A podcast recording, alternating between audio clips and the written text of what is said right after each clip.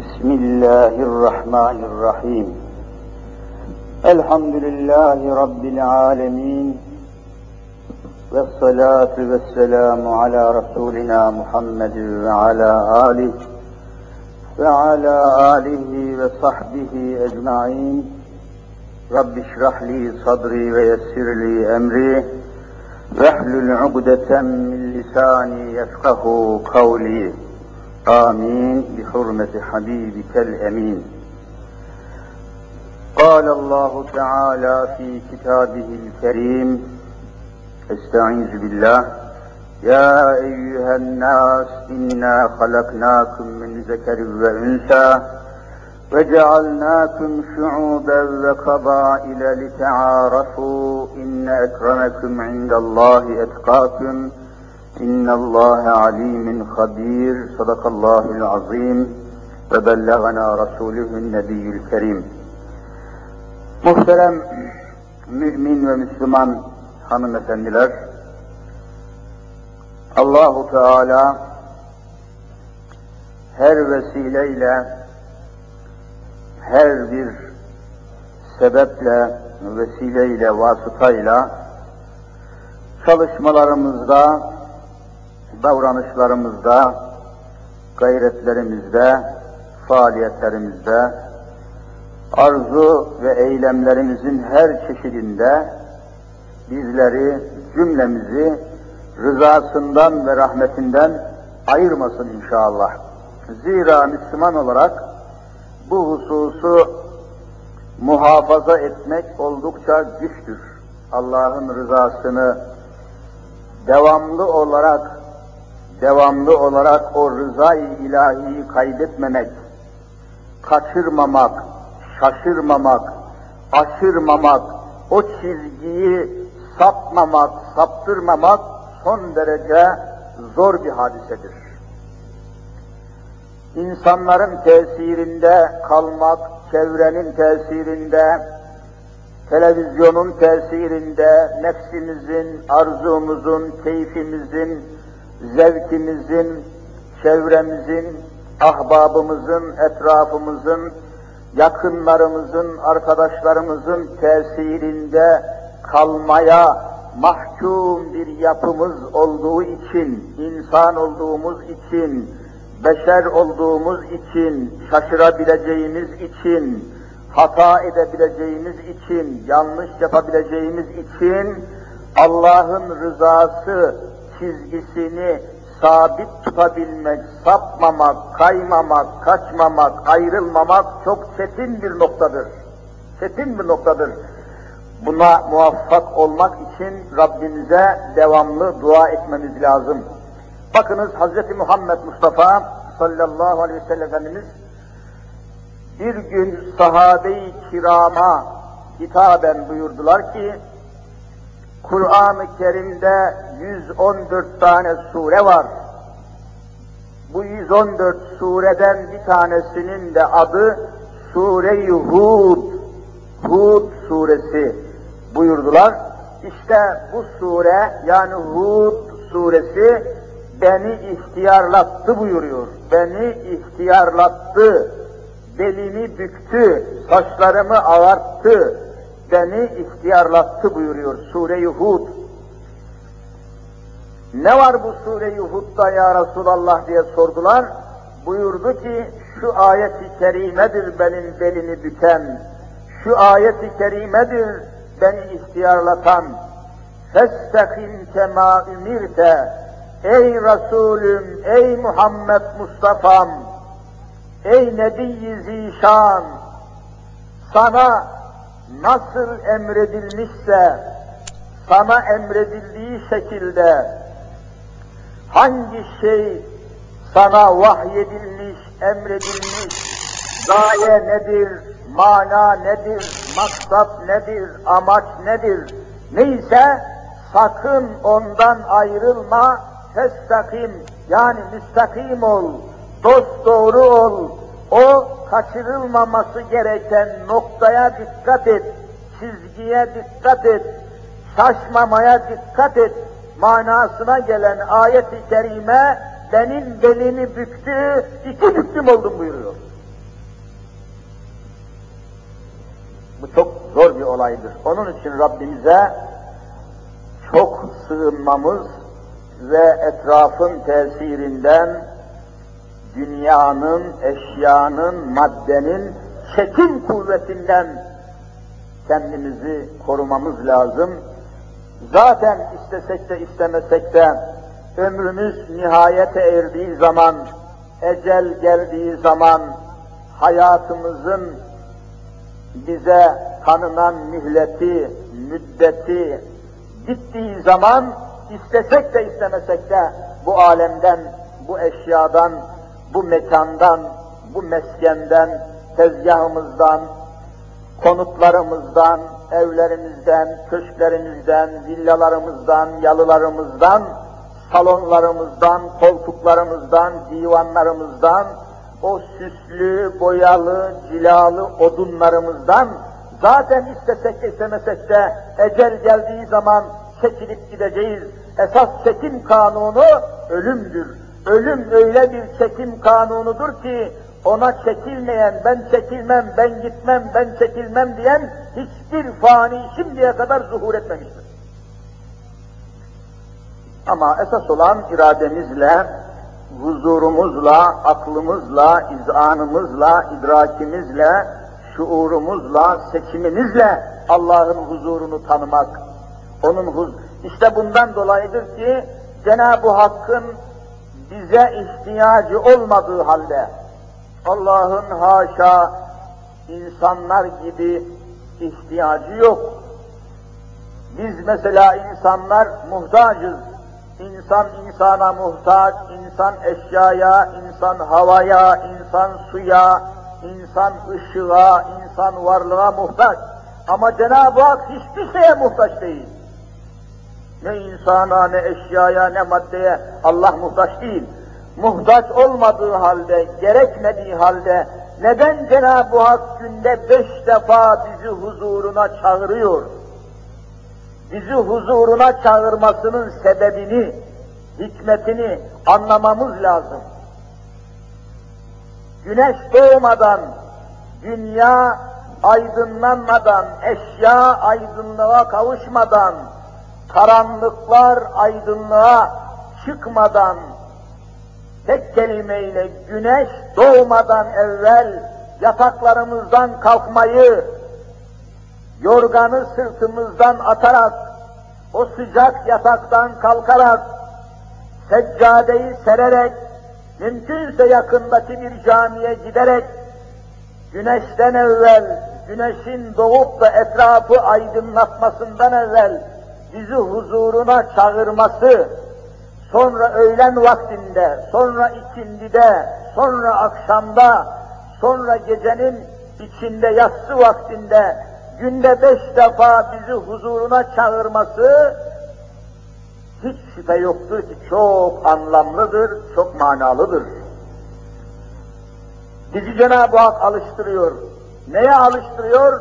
Dünyadan ayrılmaya, eşyadan ayrılmaya, mekandan ayrılmaya, meskenden ayrılmaya, arzularımızdan, heveslerimizden ayrılmaya bizi alıştırmak için günde beş defa bizi huzuruna getiriyor, getiriyor, getiriyor, getiriyor.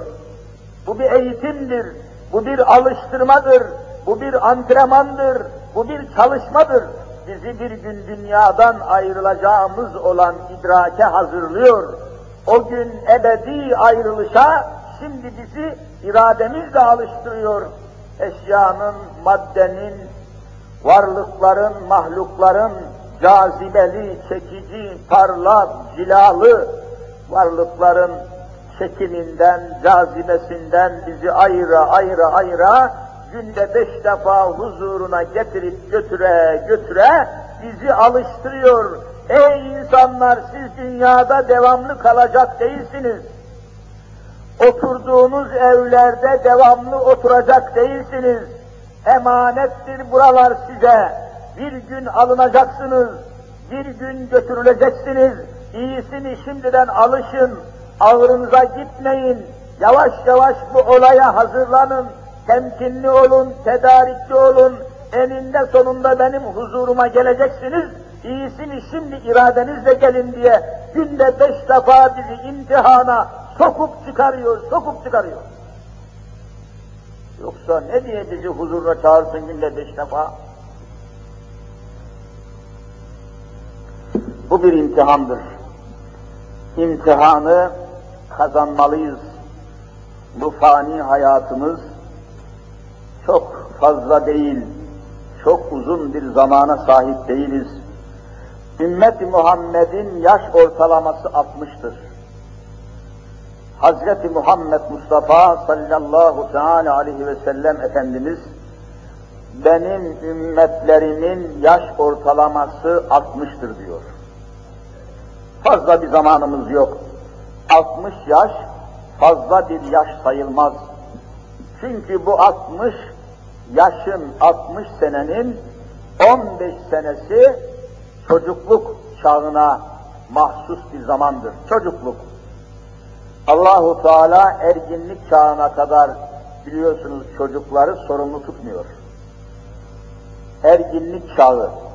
Bazı memleketlerde değişiyor bunun zamanı.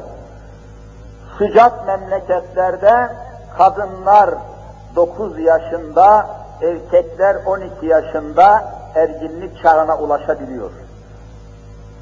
Bazı soğuk iklimlerde, bölgelerde, dünyanın soğuk bölgelerinde bu daha da gecikebiliyor. En son 15 yaşını ikmal ettikten sonra Allah bu kişiyi ister kadın olsun, ister erkek olsun 15 yaşını tamamladı mı resmen büluğa ermiş kabul ediyor ve onu sorumlu tutmaya başlıyor. 15 yaş kesindir. 15 yaşını tamamladıktan sonra kadınlık halleri görmese bile, ay hali olmasa, adet görmese bile 15 yaşını tamamladı mı otomatik sorumlu ibadetlerle yükümlü oluyor. Erkekler de 15 yaşını tamamladı mı erkeklik hali olmasa, görmeseler bile 15 yaşlarını ikmal etmeleri onların büluğa erdiğini kesin ifade ediyor. 60 yaşın içinden 15 yaş dediğiniz çocukluk çağını, çocukluk yaşını da çıkartırsanız geriye 45 seneniz kalıyor. Fazla bir zaman değil, fazla bir sermaye değil. O 45 yaşında kesinlikle yapılan araştırmalara göre uykuda, istirahatta, uyuklamada, uyku esnasında, uyuklama esnasında ve bir de istirahat halinde geçirdiğiniz saatleri topluyoruz. 45 yaşın 25'i uykuda ve istirahatte geçiyor. Geriye 20 sene kalıyor. 20 senelik zamanın var. Faaliyet ettiğin, hareket ettiğin, gidip geldiğin 20, 20 yılın var. Bu 20 senenin de yemek esnasında, banyoda, temizlik esnasında, af buyurun tuvalet esnasında harcadığımız saatleri topluyoruz. 5 sene de o tutuyor, 20'den 5 de çıkartırsanız 15 sene kalıyor. 15 yıllık bir ömür sermayemiz var dünyada. Çok zamanımız yok. Onu iyi değerlendirmemiz lazım. Onu çok iyi kıymetlendirmemiz lazım. Allah'ın rızasını ve rahmetini kazanmak için fazla bir zamanımız yok. Çok az bir zamanımız var, sermayemiz var. Onu da esaslı, prensipli, hesaplı, kitaplı, planlı bir şekilde kullanmamız lazım. Yoksa bu alemden ebedi aleme göçüp giderken hazırlıksız gidersek, ibadetsiz gidersek, tedariksiz gidersek vallahi pişman oluruz, hüsran içinde kalırız, ziyan içinde kalırız, zindan içinde kalırız, sonunda hiçbir mazeret de kabul edilmemiş. Böylece bu girişi yaptıktan sonra bugün üzerinde durmak istediğim konu, önceden düşündüğüm Müslüman hanım kardeşlerime anlatayım, arz edeyim dediğim mevzu vardı. O da İslam'da aile hayatının önemi konusuydu. İslam'da aile hayatının önemi çok önemli. Bugünlerde hele bu asırda, bu devirde, bu çağda aile hayatı, evlilik hayatı konusu çok önem arz ediyor. Avrupa'nın, Hristiyan dünyanın, Hristiyan Avrupa'nın şu anda yokluğunu çektiği, kahrolduğu ve artık pişmanlık duymanın fazla fayda getirmediği ve uğradığı o korkunç akıbetin aile faciasının çeşitli yönlerini anlatmak suretiyle İslam'da, dinimizde, kitabımızda, Kur'an'ımızda aile hayatına verilen önemi anlatmak istiyordum. Ama zamanımız yeterli olmuyor. Öğlende de erkeklere vaazım vardı bu İmes Sanayi sitesinde. Mübarek kardeşlerim, ezan-ı Muhammediye 10 dakika kala geliyorlar. 10 dakikada ben ne anlatacağım? Kürsüye çıkıp bilmece çözecek halimiz yok. Bir konuyu alacaksınız, geniş bir şekilde onu açıklayacaksınız. E, geniş açıklamak için geniş zaman lazım.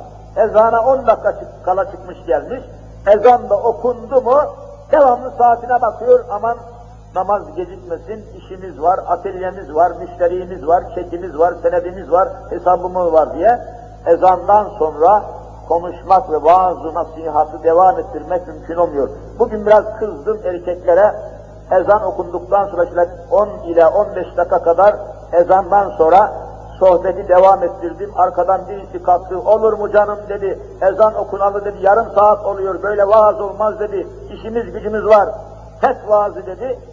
Ondan sonra cemaat kızdı, bağırdı, baktım e, kavga, gürültü büyüyecek, teskin ettim. Adam ayakkabısını aldı, caminin içinde bağıra bağıra camiyi terk etti gitti. Zaman yetmiyor. E, zaman da olmayınca meselemizi, mevzumuzu, davamızı rahat bir şekilde anlatamıyoruz. Ve galiba bu ızdırapla da ömrümüz geçti geçiyor. Cenab-ı Hak millete, memlekete, Müslümanlara eşyadan ve maddeden biraz daha fazla ayrılıp huzur ilahiye bağlanmanın şuurunu Rabbim ziyade eylesin. Bu şuur meselesi. Şuur meselesi. Evet, bu konuya biraz temas edeyim. Vaktimiz kafi gelmese bile bir giriş yapayım. İslam'da aile hayatının önemi hususunda bir giriş, bir mukaddime, bir ön konuşma halinde sohbeti başlatayım. Allah nasip ve müyesser ederse önümüzdeki perşembe konuyu bütün yönleriyle daha geniş ele almak için fırsat bulmuş olalım. Kardeşler, Müslüman hanımlar, Kur'an'da dersin başında okuduğum ayet-i kerimede Ya eyyühen nas inna halaknakum min zekeri ve unsa hani sizi bir kadınla bir erkekten yarattık buyurması zaten meseleyi hemen açıklığa kavuşturuyor. Demek ki kadınla erkeğin mevcudiyeti, varlıkları hedef itibariyle aileyi hedef alıyor. Aileyi, yani kadın tek başına bir mana ifade etmediği gibi erkek de tek başına bir mana ifade etmiyor. Ancak kadınla erkek Allah'ın emrine ve hükmüne göre bir araya gelirler, izdivac ederler, nikah altına girerlerse işte ailenin temeli atılmış oluyor. Bilmiyorum dikkat ettiniz mi? Kur'an'da nikah kelimesi var. Kur'an-ı Kerim evlenme konusunu nikah kelimesiyle ifade buyuruyor. Fenkihu ma sade leküm minen nisa kadınlarla evlenin, nikahlanın ifadesini kullanıyor. Bilmiyorum demin dediğim gibi dikkat ettiniz mi? Bizim Türkçemizde ecdadımız diyelim, dedelerimiz, atalarımız, büyüklerimiz bu nikah kelimesini çok güzel bir kelimeyle Türkçe'ye tercüme etmişler. Türkçeleştirmişler yani, çok tatlı bir kelimeyle. Nedir o? nikahlanın, Kur'an-ı Kerim'de nikahlanın diyor. Bizim ecdadımız, atalarımız bunu şöyle manalandırmışlar. Evlenin, nikahlanın kelimesini evlenin kelimesiyle karşılaştırmışlar. Evlenmek. Evlenmek kelimesine dikkatle bakarsanız kelimenin kökünde bir hecelik bir kelime var. Evlenmek kelimesinin kökü nedir diye sorsam cevabınız ev olması lazım. Ev, bakın evlenmek. Evlenmek kelimesinin kökünde ne var? Ev var. Ev olmadan evlenmek olmaz. Evlenmek. Yani kelimeyi bakıyorsunuz, araştırıyorsunuz, evlenmek üç hece. O üç hecenin sonundaki iki heceyi atıyorsunuz, geriye ne kalıyor? Ev kalıyor. Evlenmek. Lenmek hecelerini atın, ev kalıyor. Ama ne kadar güzel bir mana.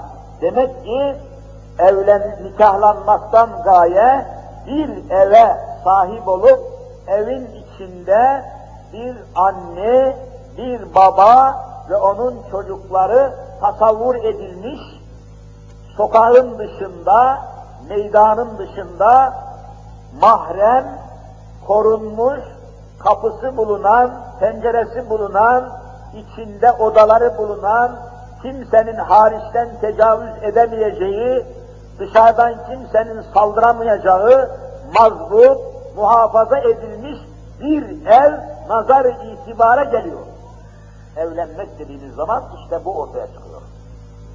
Demek ki İslam dininiz diyelim, evlenmeyi, nikahlanmayı bir evin içinde, bir evin mahremiyeti içinde tasavvur etmiştir. Kadını da erkeği de bir evin içinde mülahaza etmiş, evin içinde düşünmüş. Ev olmadan görüyorsunuz ki aile olmuyor. Nerede bir aile varsa orada bir ev var. Nerede bir ev varsa orada bir aile var.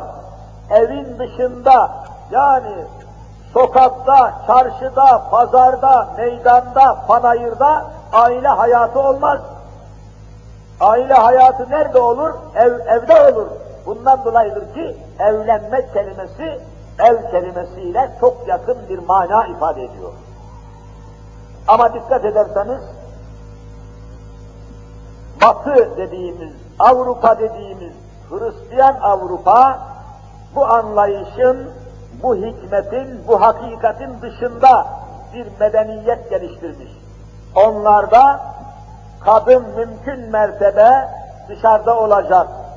Pazarda, fabrikada, eğlence yerlerinde, erkeklerin arasında karma karışık bir hayatın içinde kadını tasavvur etmişler. Kadınla erkek festivallerde, faşiklerde, toplantılarda, törenlerde, çalışma esnasında her türlü münasebetlerle kadınlarla erkekler karışıp ama dışarıda, evin dışında, herkesin gözü önünde yabancı kabul etmeden, namahrem kabul etmeden, ayıp kabul etmeden, günah kabul etmeden, hudut kabul etmeden, haram kabul etmeden, kadın erkek karışık bir hayat tasavvur etmiştir Hristiyanlar. Onlar da İslam'daki gibi ev tabiri, evlenmek tabiri, evin içinde olmak, evin içinde ahlaka, terbiyeye, iffete, namusa, İslami hayata hazırlanmış bir ev idraki ve hesabı yok onlarda. Onlar kadını devamlı sokağa çekiyorlar, eğlenceye çekiyorlar, zevk-ü sefaya çekiyorlar. Onlar kadını evin içinde değil de dışarıda olmasını, sokakta olmasını, çarşıda olmasını, meydanda olmasını, parklarda, panayırlarda olmasını, her istedikleri zaman kadını bulmayı, bulabilmeyi arzu maksadıyla kadını devamlı evinden dışarıya çekmişlerdir. Hristiyan Avrupa'nın anlayışında kadın eğlencenin, zevk-ü sefanın, nefsin arzusunun, şehveti icra etmenin bir aleti gibi tasavvur edilmiştir. İslam'da ise kadın evinin içinde anne olarak çocuklarının annesi, kocasının eşi, evinde müstesna bir varlık olarak telakki etmiş, evin dışında kadını tasavvur etmemiştir. Onun için nikahlanmanın Türkçesi evlenmek diye tabir ediliyor. Evin dışında, evin haricinde, evin dış aleminde kadını mahremiyetiyle bulmak, iffetiyle bulmak, edebiyle bulmak oldukça güç olacağı için kadını mutlaka evinde, evinin mahreminde, evinin iffetinde, evinin içinde, evinin havasında kadını devamlı tasavvur etmiştir. Sokakta kadın mutlaka bir takım gözlerin, bir takım arzuların, bir takım hain bakışların, bir takım eşkıyanın, kötü duygulu, kötü düşünceli insanların izinde, takibinde, göz hapsinde olabileceği için sokaktan çok kadını anne sıfatıyla evinde tasavvur etmiş bulunuyor. Aile hayatı, toplum hayatının temelini teşkil ediyor. Doğan çocukların annesi, babası iffetiyle, temizliğiyle, saffetiyle arı ve duru bir mana ifade edecek. Kadınlarla erkeklerin mahremiyetini kaldırdığınız zaman, mahrem namahrem sınırlarını kaldırdığınız zaman, kadını erkeği karma karışık bir hale getirdiğiniz zaman, arada bir sınır, bir hudut koymadığınız zaman, neslin sıhhati, doğan çocukların iffeti, sıhhati, nesebi tehlikeye giriyor. Şu anda resmi araştırmalara, resmi dediğimiz devletçe yapılan araştırmalara göre Allah'a yemin ile ifade ediyorum, resmi vesikaya göre söylüyorum, Avrupa'da, Avrupa deyince malum bir sürü devletler var. Almanya, Hollanda, Belçika, Fransa, İtalya, Danimarka, İsveç, Norveç vesaire. Bütün bu Avrupa ülkelerinde dünyaya gelen her çocuğun, üç çocuğun bir tanesinin babası belli değil. Yani Avrupa'da şu anda üç tane çocuk dünyaya geldiyse o üç çocuğun birisi babası bilinmiyor. Yani üçte bir durumuna gelmiş. Veled-i zina dediğimiz babası belli olmayan o çocuğu doğuran kadın nikah altında değil, her çeşit erkeklerle temas edebilmiş, bir araya gelebilmiş, düşüp kalkmış, kimlerle beraber olduğu belli değil, doğurduğu çocuğun babası belli değil. Her doğan üç çocuğun birisi böyle bir zina. Avrupa'da. Böyle hayat olur mu? Böyle aile hayatı olur mu? Nesebin, neslin, zürriyetin sıhhati, anne ile babanın evine sadık olmaları, namahremden korunmaları, haramdan sakınmaları, yabancılarla beraber olmamaları gibi Allah'ın koyduğu bir hayli esaslara riayetle mümkün olabiliyor. Bunun başka şekli yok.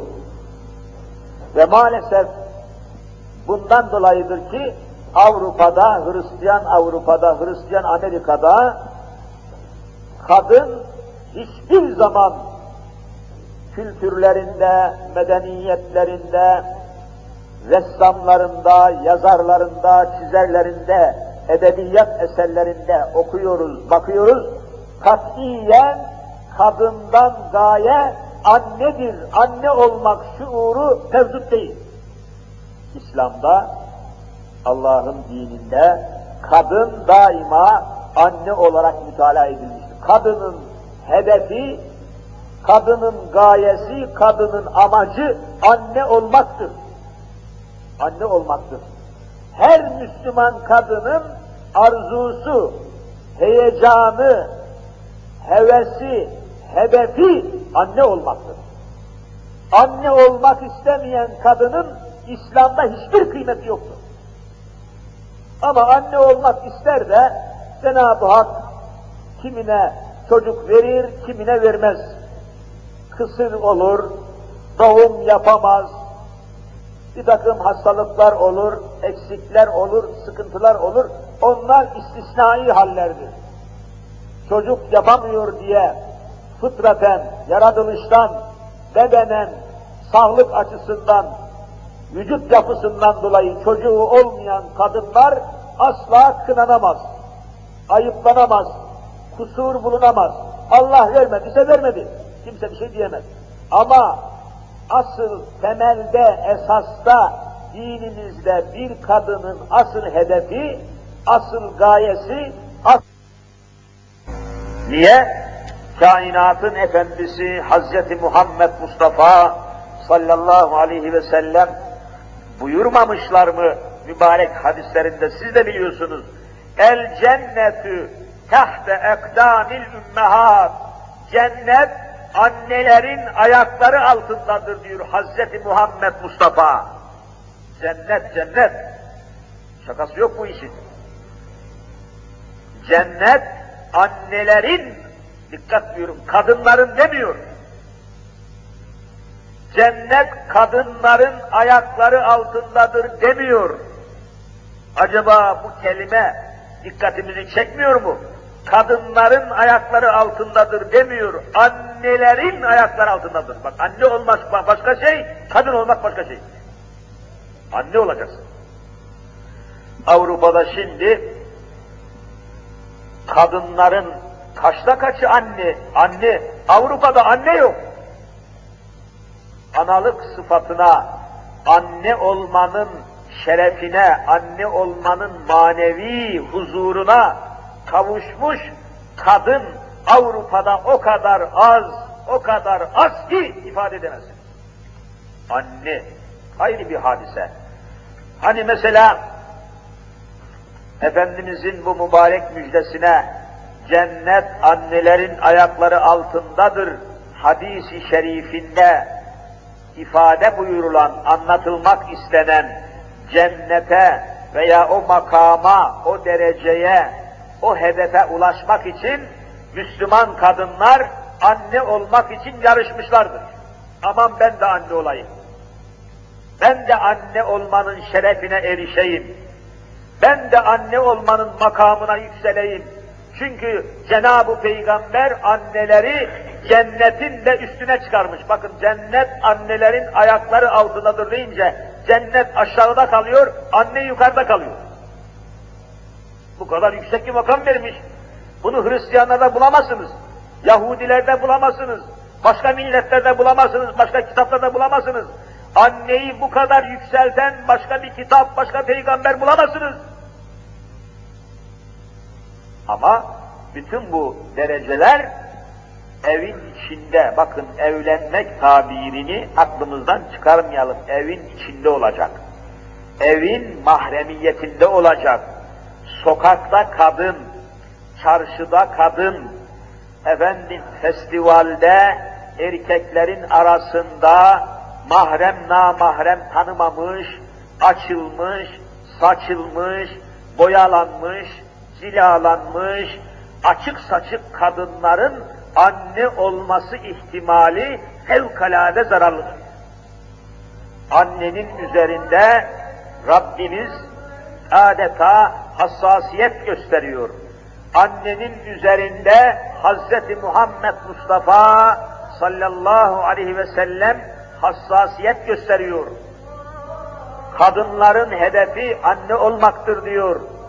Kadınların gayesi anne olmaktır. Çocuk, çocuğa sahip olmak, çocuğu terbiye etmek, çocuğu ıslah etmek, cemiyete, topluma, millete insan yetiştirmek, insan hazırlamak, insanı edepli bir şekilde ortaya koymak. Bu hususu böylece arz ettikten sonra insanlık tarihine kısa bir baktığımız zaman göreceksiniz ki insanlık tarihi hepiniz biliyorsunuz Hazreti Adem ile başlıyor. Müslümanların itikadına, Müslümanların inancına göre yeryüzünde ilk insan Hazreti Adem olmuştur. Amenna ve saddakna. Bütün Müslümanlar böyle inanıyor. Ama acaba düşündünüz mü bu hususu, bu noktayı zihnimizde, beynimizde, aklımızda, fikrimizde düşündük mü? Hazreti Adem'i ilk insan olarak Cenab-ı Hak yaratmış ama amması var. Hemen arkasından Hazreti Adem'e Hazreti Havva namında bir eş yaratmış, eş. Çünkü yalnız olmak, yalnız kalmak, yalnız yaşamak, yalnız bulunmak sadece ve sadece Hazreti Allah'a mahsustur. Yalnızlık Allahu Azimüşşan'a, eşsizlik Allahu Azimüşşan'a mahsustur. Hazreti Adem'i yaratır yaratmaz hemen onun vücudundan, onun bünyesinden, onun yapısından, onun çatısından Hazreti Havva namında zevcesini yani nikahlısını, eşini beraber hemen yaratmış. Adem ile Havva böylece aile olmuş. Allah bu ikisinin nikahını kıymış, nikahlarını kıymış. Yeryüzünde demek ki aile hayatı ne zaman başlıyor diye sorulsa, aile hayatı Adem ile Havva ile başlamış. Yeryüzünde insanlar başıboş kalmamış. Kadınlar kendi kafasına göre, erkekler kendi sevdasına göre değil. Adem'in peşinden Havva'yı ve ikisini birbirine Cenab-ı Hak evlendirmiş, izdivac etmiş, birleştirmiş ve yeryüzünde ilk ailenin temeli Adem ile Havva ile beraber atılmış. Bakın demek ki insanlık tarihi adeta aile hayatıyla başlıyor. Aile olmadan insan hayatı olmaz.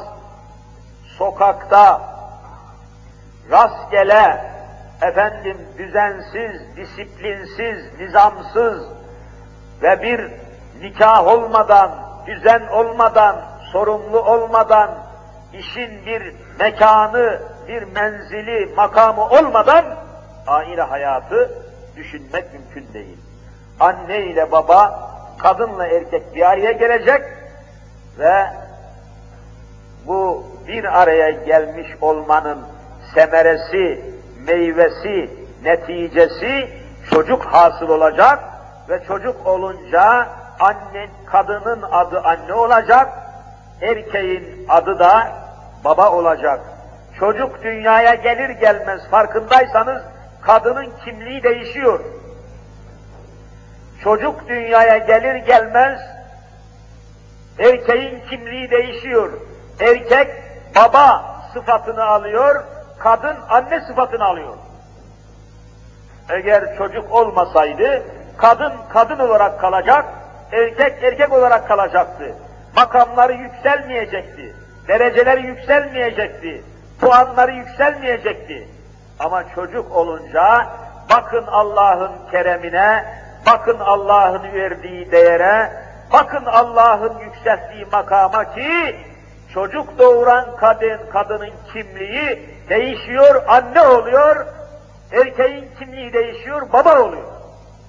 Ve ikisi birden anne ile baba sıfatını alıyorlar ve Allah katında dereceleri birdenbire çok yüksek bir noktaya ulaşıyor. İslam hukukunda kul hakları diye bir şey var biliyorsunuz. Haklar bahsi var. Hak ve hukuk meselesi var. İslam dininde bir Müslüman için anne ile babanın hukuku bakınız öyle bir noktaya yükseliyor ki Allah ve Resulünden sonra yeryüzünde en büyük hak anne ile babaya veriliyor. Yani sıraya koyacak olursak bir Müslüman için dünyada evvela birinci sırada Allah'ın hakları, ikinci sırada Hazreti Peygamber'in hakları, Allah'tan sonra peygamber geliyor. Niye? Devamlı olarak kelime-i tevhidde bunu ifade ediyoruz. Hep beraber bir kelime-i şehadet okuyalım göreceksiniz. Eşhedü en la ilahe illallah ve eşhedü enne Muhammeden abdühü ve rasulü. Bakın birinci kelimede eşhedü en la ilahe illallah dedik. İkinci kelimede ve eşhedü enne Muhammeden abdühü. Bakın evvela Allah sonra Muhammed. Kelime-i şehadette var. La ilahe illallah diyorsun, arkasından Muhammedun Resulullah. Önce Allah, hemen arkasından Muhammed Resulullah, işte hemen arkasından da anne ile baba. Demek ki anne olduktan, baba olduktan sonra hak ve hukuk bakımından Allah ve Resulünün yanı başında yerini alıyor anne ile babalar. Şu dereceye bakın şu üstünlüğe, şu yüksekliğe, şu yüceliğe bakın Allah aşkına. Hangi dinde, hangi görüşte, hangi mezhepte anne ile babaya bu kadar önem verildiği görülmüştür? Nerede bulabilirsiniz? Allah'ın, Resulünün, hemen Allah ve Resulünün yanı başında anne ile baba hakları geliyor, hukuku geliyor. Anne ile babanın ehemmiyeti, ciddiyeti, önemi bu kadar İslam'da yükseltilmiş oluyor, yüceltilmiş oluyor, büyük bir mana ifade etmiş oluyor. Annesiyle babasının rızasını almayan bir Müslüman çocuğun cennete giremeyeceği açık ifade edilmiş. 50 defa Beytullah'a gitse, 50 defa hacı olsa dahi eğer bu kişiden 50 defa hacca gitmiş bu Müslümandan, bu insandan anne ile babası razı değilse bu kişinin cennete gitmesi mümkün değildir deniyor.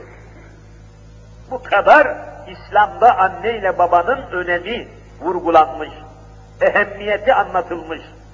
Onları kırmamanın, onları darıltmamanın, onları üzmemenin, onları asla sıkıntıya sokmamanın tedbiri alınmıştır. Demek ki İslam'da aile hukuku, aile hayatı anne ile babayı ortaya koyuyor. Tabii çocuklar da oradan devam edecek. Avrupa'da bu yoktur. Şu anda Avrupa'da aile hayatı yok. Olsa bile hasbel kader bir kadınla bir erkek evlenmiş olsa bile o kadının çocuk doğurmaması sebebiyle Avrupalı kadınlar çocuk doğurmak istemiyorlar. Çocuk doğurmadığı için, çocuk dünyaya getirmediği için o ailede anne ile baba olmuyor. Erkek kadın var ama anne ile baba yok. Çocuk yok çünkü. O çocuğun yerine şu anda bilhassa Avrupa'da ve sair batı ülkelerinde o çocukların yerine bir hayvan ikame edilmiş. Her evde o hayvan var. Her kadının elinde hayvan, kucağında hayvan. Bu hayvan da hepiniz biliyorsunuz köpek dediğimiz hayvan. Avrupa'da bakıyorsunuz bir apartman dairesi, bir konut, bir mesken, içeriye giriyorsunuz, bir kadın oturuyor, bir erkek oturuyor, bir de köpek oturuyor. Onlar da aile bu. Bir kadın, bir erkek, bir köpek. Böyle aile olur mu ya? Buna aile denir mi? Hani köpeğe aile fertlerinden birisi olarak ifade edilir mi? Köpek hayvandır. Ne kadar yükselirse yükselsin insan olamaz, aile ferdi olamaz, çocuk gibi olamaz, insan gibi olamaz. Köpeği adeta orada insandan daha üstün bir noktaya getirmişler, kucaklarında taşıyorlar, yataklarında beraber yatıyorlar, o köpeklere gösterdikleri alakayı kimseye göstermiyorlar. Bu aile hayatının yok olduğunu gösteren bir hadisedir. Avrupa, Allah'ın lütfuyla bizim nazarımızda inşallah 2000 yılının içinde aile hayatı zaten çökmüştür, iktisadi hayatının kuvvetiyle ayaktadır. O da çökmek suretiyle batı medeniyeti Allah'ın lütfuyla çökecek ve yeryüzünde hiçbir eseri kalmayacak. İnsani hayattan şu anda mahrum bulunmaktadırlar. Bu anlayışı maalesef büyük bir arzuyla televizyon kanalları Türkiye'ye taşımak istiyorlar. Bakın mesela bazı çalgıcılar, bazı şarkıcılar, bazı davulcular, bazı zurnacılar, bazı efendim orkestracılar çıkartıyorlar televizyona, sahneye, evini gösteriyorlar, yatak odasını gösteriyorlar. Bir bakıyorsunuz şarkıcı köpeğiyle beraber yaşıyor. Yatakta köpek, açıkta köpek, kucakta köpek, omuzunda köpek. Artık köpekleşmiş, köpekle beraber yaşamanın adi hayatına intikal etmiş. Bu aile hayatı olamaz. Allah böyle bir aileyi asla kabul etmiyor, asla hoşnut olmuyor.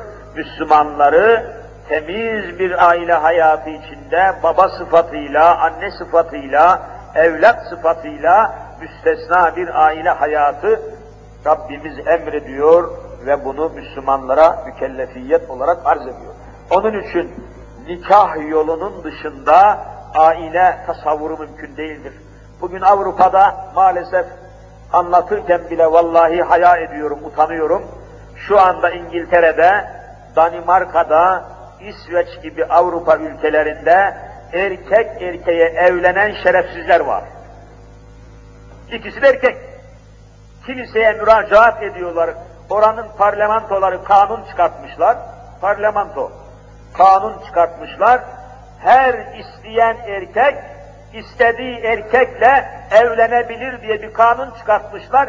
Bu kanuna göre şimdi Danimarka'da isteyen erkek istediği erkekle evlenebiliyor. Beraber yaşayabiliyor. Onlarda çünkü maksat çocuk değil. Onlarda maksat eğlenmek, şehveti tatmin etmek, arzusunu yerine getirmek, dünyadan haşa ne isterse arzusunu, keyfini, zevkini, iştahını temin etmek olduğu için evlenmenin gayesi onlarda çocuk yapmak, insan nesli yetiştirmek, yeryüzünde insanın soyunu devam ettirmek olmadığı için onlar köpekle de yaşayabiliyor, erkek erkeğe de haşa beni affedin, beni bağışlayın yaşayabiliyor. Nefsine göre, keyfine göre Allah Allah'ın iradesini hesaba katmadan, Allah'ın hükmünü hesaba katmadan, peygamberi işin içine sokmadan, Kitabullah'ı işin içine sokmadan tamamen nefislerine göre bir hayat sürüyorlar. Aynı yaşayışı da şimdi Türkiye'ye çağdaş hayat tabiriyle dikkat buyurun, çağdaş kadın, çağdaş aile, çağdaş hayat, çağdaş erkek, çağdaş devlet tabirini kullan. Çağdaş erkek demek, deyyus erkek demektir. Karısını kıskanmıyor, kızını kıskanmıyor, gözünün önünde karısını alıp adam kucaklayıp dans ediyor, istediği gibi oynuyor, oynaşıyor, öbür erkek de ben çağdaş erkek ya ne medeni adam be, karısını öpüyorlar da bir şey demiyor, et ediyor melun. Çağdaş erkek demek, deyyus erkek demektir. Çağdaş aile demek, afyün köpekleşmiş aile demektir. Bu tabiri iyi anlamak lazım. Çağdaş kelimesiyle bizi vurmaya çalışıyorlar. Çağdaş kelimesiyle bizi hakaret altına almak. Efendim Müslümanlar çağdaş değilmiş. Niye? Kadın erkek beraber oturmazlarmış. Kadın erkek yabancılar tokalaşmazmış, şakalaşmazmış. Kadın erkek beraber yabancı kadın erkek dans etmezmiş.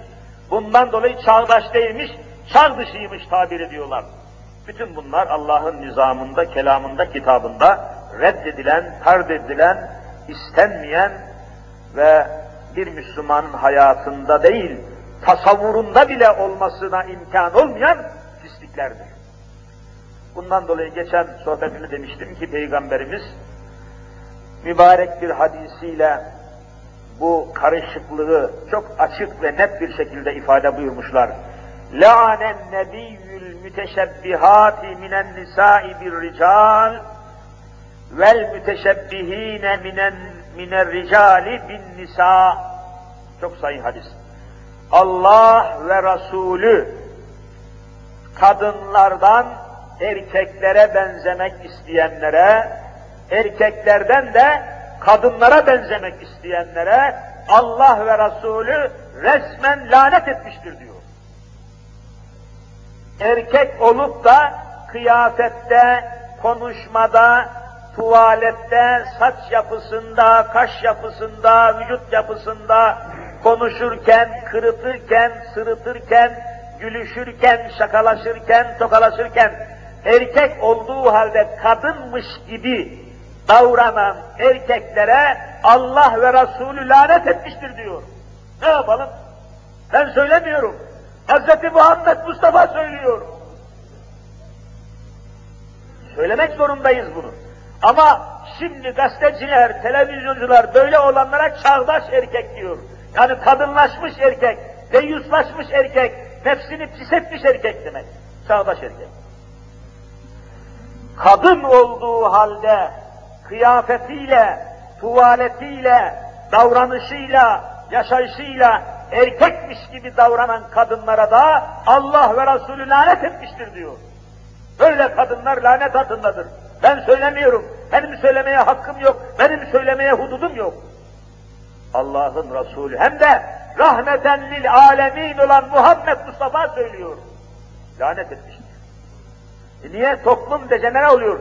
Kadınken erkek gibi davranan, erkek gibi erkekken kadınlaşan insanlardan aile hayat olmaz ki. Aile hayatı yıkıldı mı toplum yıkılır. Çünkü aile toplumun çekirdeğidir. Aile toplumun tohumudur. Aile toplumun esasıdır.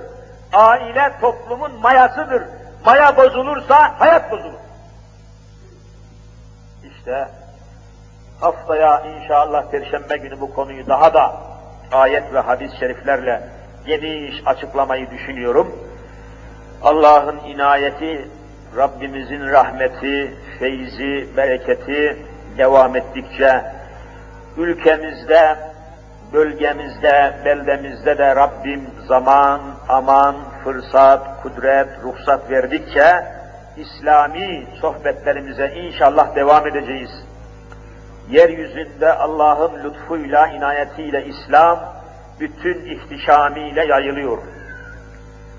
Bundan üç gün evvel Rusya, Rusya'da yaşayan bu komünizm çökünceye kadar Amerika'ya kaçıp da canını zor kurtaran bir Rus yazar vardı. Nobel ödülü almış. Biliyorsunuz Nobel diye bir ödül var dünyada.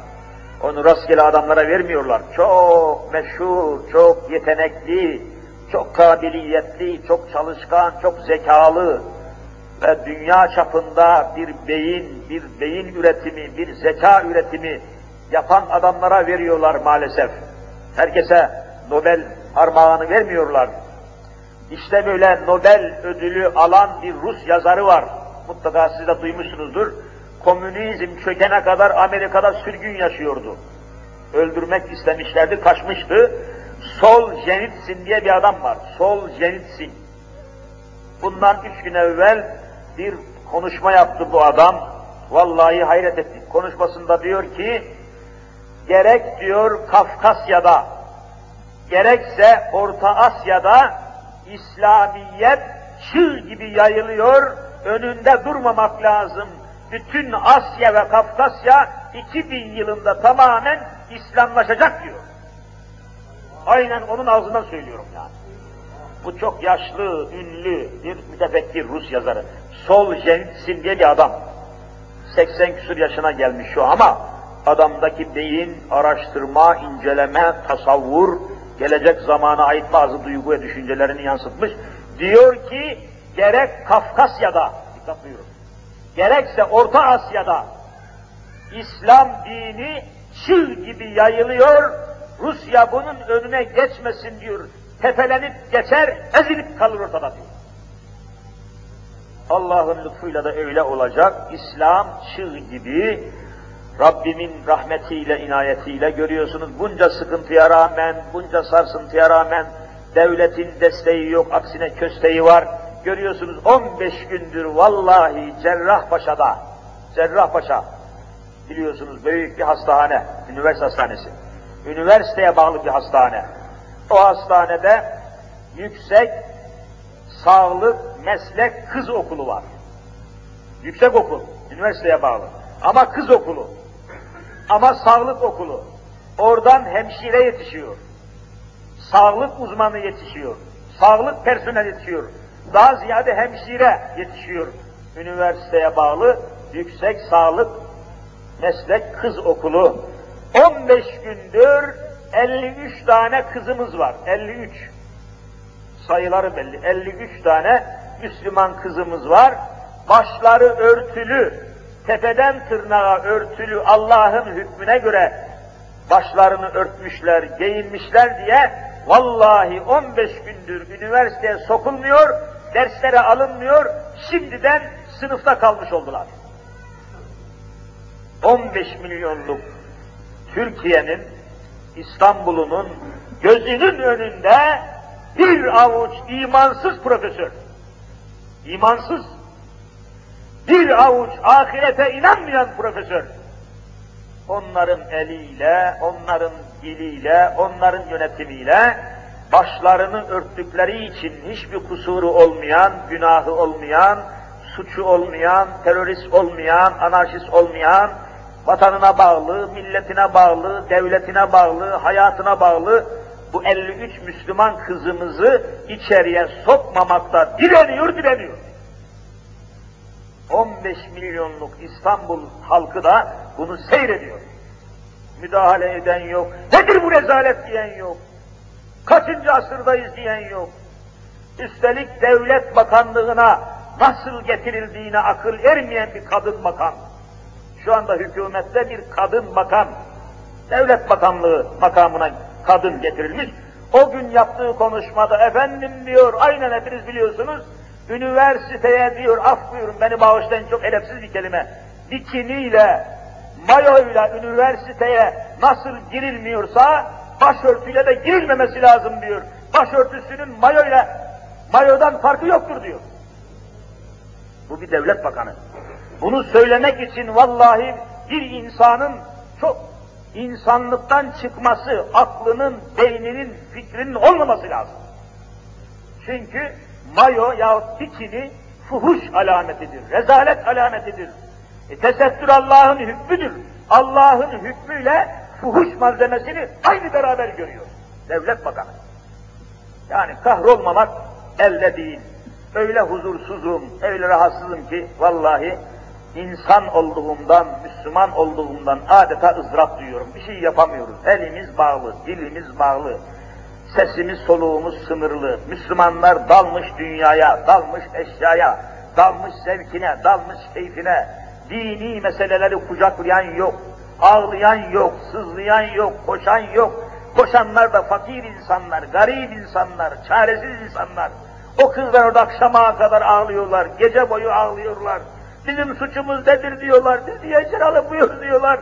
Sebep nedir diyorlar, hükümet yok mu diyor, ağlıyorlar ya. Müslümanlar bir hareket edemiyor, bir tedbir alamıyor, bir çare bulamıyor. Habire kavga, habire münakaşa, habire parçalanma.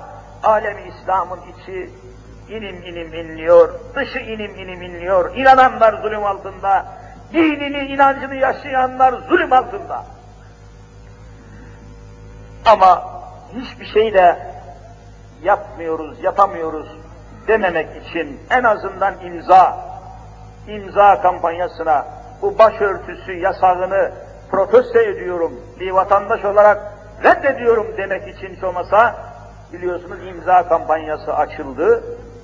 Zannediyorum 300 bine yakın imza toplandı. Bir kardeşimiz de caminin çıkışında imza toplayacak camiden çıkan sizlerden hanım kardeşlerimiz, erkek kardeşlerimiz çıkarken bu konuda birer imza atıp çıkın. Bakalım Mevla neyler, neylerse güzel umudumuzu kesmeyelim, umutsuz olmayalım. Allah'ın da bir diyeceği var, Allah'ın da bir hesabı var, Allah'ın da bir nizamı var inşallah. Sonunu bekleyeceğiz. Allah cümlemizi yine dersin başında dediğim gibi rızasından ve rahmetinden ayırmasın.